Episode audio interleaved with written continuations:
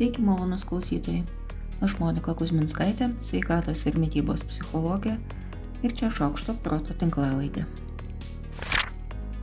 David Lynch - Pagauti didžiąją žuvį - meditacija, sąmonė ir kūrybingumas. Tokią knygą šiandien norėčiau pristatyti. Kai rašiau, tai nuo pirmo iki antro šio teksto sakinio praėjo geras pusvalandis. Iš pradžių ėjau pasitikslinti apie emocijas, po to apie transcendentinę meditaciją, po to keletą interviu. Na, gavosi neblogas scenarius vien jau iš to. Taip, knygos autorius yra tas Davidas Linčas. Jei jums malsu, iš kur pasikyla tokio gerumo idėjos filmams, tai jis medituoja ir daug apie tai kalba. Apie bedugnius resursus, kuriuos turim viduje ir kuriais galim pasinaudoti tada, kai vandens, tai yra sąmonės paviršius, nurimsta ir mes išdrįstam nerti gilyn, kur gyvena didžiausios ir svarbiausios žuvis. Daug kas šioje knygoje yra skirta kūrybinių profesijų atstovams, bet hei, mes visi esam savo gyvenimo režisieriai. Beje, įdomu, tai kūrybiškumui dažniausiai padeda teigiamos emocijos, nebent turit aukštą neurotiškumo balų asmenybės portrete, tada jums padeda nerimas. Transcendentinė meditacija vietoj įprastinių dėmesio sutelkimo objektų, tokių kaip kvepavimo, kūno būsenų, kokio nors objektų, siūlo susikaupus kartoti savo asmeninę mantrą. Mantrą gaunate iš patyrusio mokytojo. Na, jeigu kiek pastumėsim iš šoną mano kiek skeptišką požiūrį į tai, kad mantra būtinai turi būti iš mokytojo, mantra kaip meditacijos praktika yra tikrai labai tinkama, ypač kai vidinis dialogas yra nerimastingas ir triukšmingas. Na ką čia dar pridurti? Ramybės, tik tai ramybės. David Lynch pagauti didžiąją žuvį - meditacija, sąmonė, kūrybingumas. Šią savaitę išklausiau dar vieną seminarą iš Beko instituto, šį kartą apie kognityvinės elgesio terapijos taikymą esant persivalgymo e, sutrikimui, binge eating disorder Šalia buvo seminarai apie anoreksiją ir apie bulimiją. E, tai dar sėki noriu paraginti ir pakviesti ir padrasinti, jei kas e, susidurėt, kovojat su valgymo sutrikimais arba turit savo artimoje aplinkoje. Tai ši tema tikrai man labai įdomi, apie ją daug mokusi, studijuoju papildomai ir tikiuosi, kad galėčiau jums padėti, jei tik su manim susisiektumėt. Ne viskas, kuo įtikit, yra tiesa. Taip sako mano mėgstama paradigma, ta pati kognityvinė elgesio terapija. Prieš pradedant prieštaraujančiai šnypšti, o taip daryti tikrai norėsis ir tai yra visai normalu, nes sakydama, kad ne viskas, ko jūs tikit, yra tiesa, aš kėsinuosi, na, daugmaž taip į jūsų asmenybės šerdį. Prašau, išklausykit keletą samprotavimų. E, Tie samprotavimai iš principo yra apie kritinį mąstymą, apie metodą, kuris leidžia jum ir pripažinti, jog ne viskas, kuo jūs tikite, yra tiesa. Kritinis nereiškia kritiškas. Kritinis nėra neigiamas ir pagėžingas bambėjimas blogų žodžių minint visus ir viską. Kritinis mąstymas yra atviras, aiškus, racionalus ir svarbiausiai įrodymais pagrystas mąstymas. Įvairūs įsitikinimai padeda taupyti laiką, kas kartą neieškant įrodymų ir argumentų. Kartais tai tikrai padeda. Kitais kartais visą gyvenimą kartoja tą pačią klaidą, nes neskiriam net penkių minučių klausimo paguglinimui. Tarkim, jūs tikit, kad šilti pusryčiai yra sveika.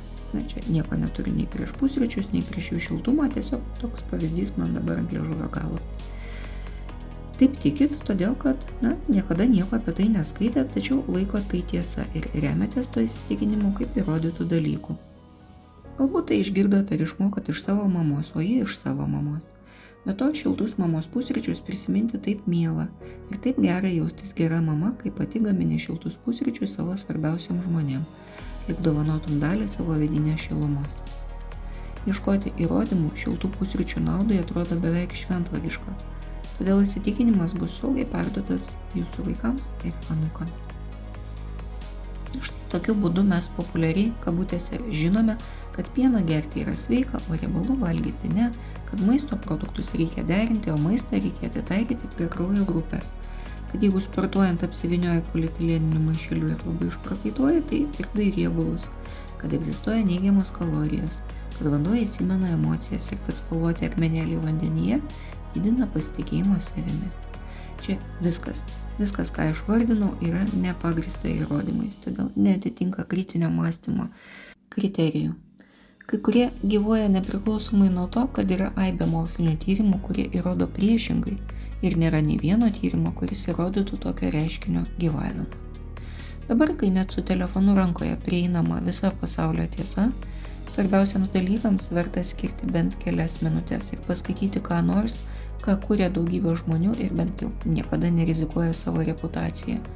Aišku, ne kiekvienas įrašas internete bus teisingas, bet būtent todėl reikėtų remtis patikrintais moksliniais metodais, kurie daug kartų ir sistemingai tikrina įvairių faktų teisingumą. Kritinis mąstymas nedžiugins jūsų kiekvieną minutę, tačiau tikrai leis savarankiškai ir tvirtai orientuotis, kas yra teisinga ar bent jau kas skamba logiškai, o kas ne. Įskaitant, tiesą sakant, ir mano rašomus tekstus. Psichologijos mokslas, tikit ar ne, yra labai praktiškas. Šį kartą tyrėjai ieškojo, kokia teorija pagrystos intervencijos geriausiai padeda pakeisti paauglių valgymo elgesį. Ir rado. Tai yra socialinė kognityvinė teorija, už kurią ačiū Albertui Bandūrai. Teorija skelbia, kad žmonių elgesys, asmeniniai faktoriai ir aplinkos faktoriai nuolat vienas kitą veikia, tokie trikapai. O rezultate gaunasi du svarbus rezultatai - saviveiksmingumas arba angliškai self-efficacy ir rezultato lūkestis.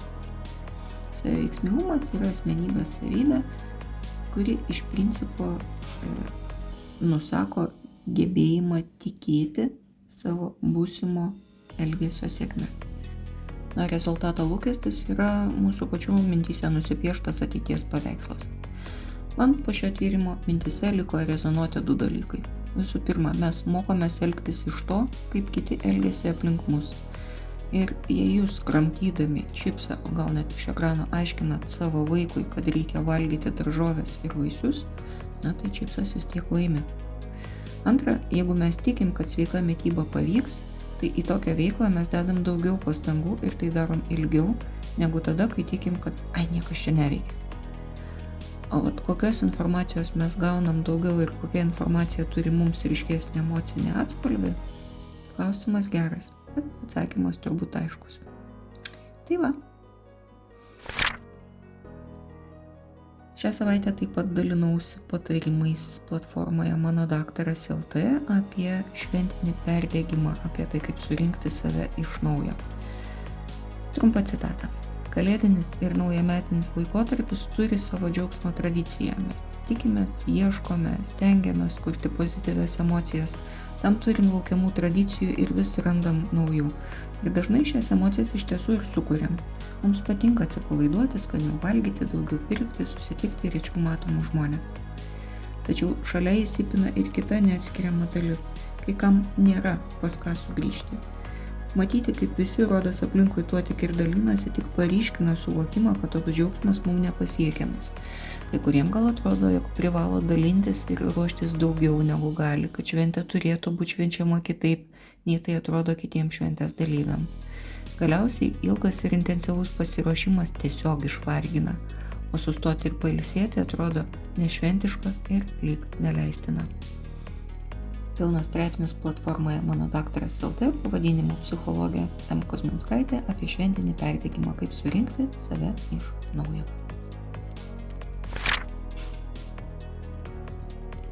Žmonės į maistą turi daugiau mažiau automatinę reakciją arba, sakykime tiksliau, reakcijos greitis į maisto vaizdą yra didesnis. Tik šast ir jau matom spurgą, nors fone aplinkui gali būti daug visokių kitokių dalykų.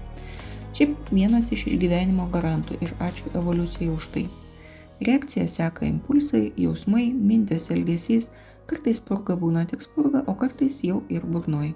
Ir kai maisto aplinkui tiek daug, tokia reakcija gali nuvesti visai ne ten, kur norim.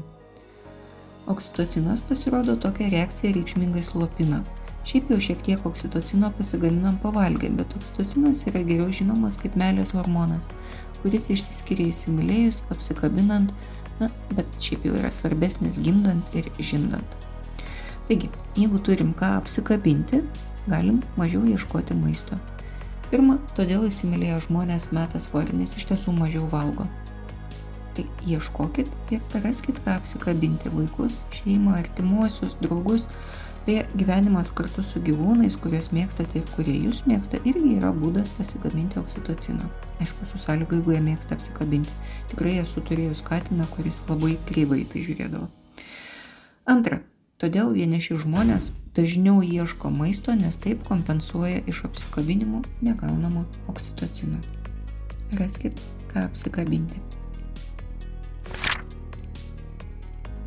Prieš porą dešimtmečių buvo populiaru svarstyti skaitmeninės atskirties arba angliškai digital divide temą. Na, bet pavarčius lietuviškus tyrimus ir viešus pareiškimus panašu, kad šis klausimas dar neuždarytas. Skaitmeninė atskirtis tai reiškinys, kai žmonės grupuojasi į naudojančius ir nenaudojančius skaitmeninių technologijų, o tarp naudojančių į naudojančius skirtingais lygiais. Vieni galbūt tik naršo, kiti jau, žiūrėk, naudojasi elektroniniu parašu elektroninėmis parduotuvėmis, o kitas gal jau yra ir patyręs programuotojas ar sistemų administratorius. Ir be abejo yra daugybė įvairių tarpinių sluoksnių. Yra taškas, kuriame toks tik technologinis klausimas virsta psichologiniu, socialiniu, ekonominiu ar kokiu tik norimu. Žinoma, pandemija gerokai paspartino procesus ir atskirtis gerokai sumažėjo. Gal ir keista, bet pandemija tikrai turėjo teigiamų pasiekmių. Jos nepersveria ar nepanaikina pandemijos žalos, na, bet būkime realistai. Tai kokia problema su atskirtimi? Nenoriu ir neperku, nenoriu ir pasirašau ranką. Beje, ne visada tai yra nemokėjimo naudotis ar įrankių neturėjimo klausimas. Kai kurie žmonės, tarkim, nenori palikti skaitmeninių pėdsakų, todėl renkasi fizinės priemonės. Na, kiek žmonių, tiek priežasčių. Tačiau tada, kai žmonės ne savo valia netenka galimybės bendrauti, pasisakyti, būti informuoti, kartais net pasirašyti, Nu, pavyzdžiui, veikia tik elektroninis parašas ir neišeina pasirašyti ranką. Tada tokie žmonės gali jaustis suvaržyti, bejėgiški, neprisijungti, nedalyvauti tam tikrose veiklose, būti išstumti, išmesti, nepriimti į grupės, o tai gali sukelti neigiamas emocijas ir dar didesnį atsiskyrimą. Maža to, suvokiamas bejėgiškumo jausmas, e, lydimas tokiamis mintimis, kaip niekad neišmoksiu naudotis, ne mano amžiai, ne mano charakteriui, ne mano protui, o gal net piniginiai. Tai tokios mintis gali sukelti ir daugiau emocijų. Bejėgiškumo jausmas ne visada yra pagrystas, tuo labiau, kad visos skaitmeninės technologijos darosi vis draugiškesnės vartotojai. Todėl na, gal geriausiai išeitis būtų imti ir pabandyti, o jeigu nepavyko pernai, tai gal pavyks šiemet.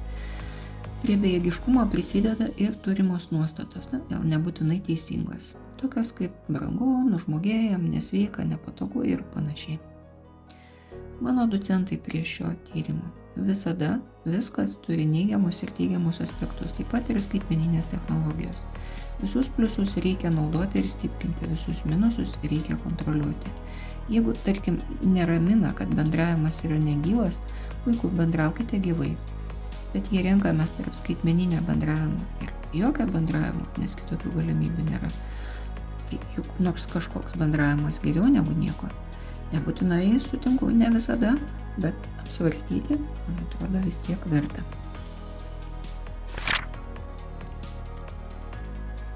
Labai mėgstu spurgas, man jos labai skanios. Norėčiau kasdien valgyti po kokias 12 ir taip kiekvieną dieną iki gyvenimo pabaigos. Na, jeigu iki antro sakinio dar linksėjote, tai ties trečiu turbūt sustojot. Kažkas viduje vis tiek sako, kad taip yra negerai. Gal ir yra viduje dalis, kuriai čia viskas ok, ar gal net tai skamba labai romantiškai, bet yra ir proto balsas, kuris sako, kad greičiausiai toks gyvenimas nebūtų labai ilgas ir malonus. Kitas greičiausiai nujaučiamas dalykas yra, kad tai tiesiog atsibostų. Tai gal tada galėčiau valgyti vien šokoladą, gerti vien vyną, Ne? Kad kiekviena diena būtų tik atostogos, kad kiekvienas veiksmas būtų nuotykis. Ne?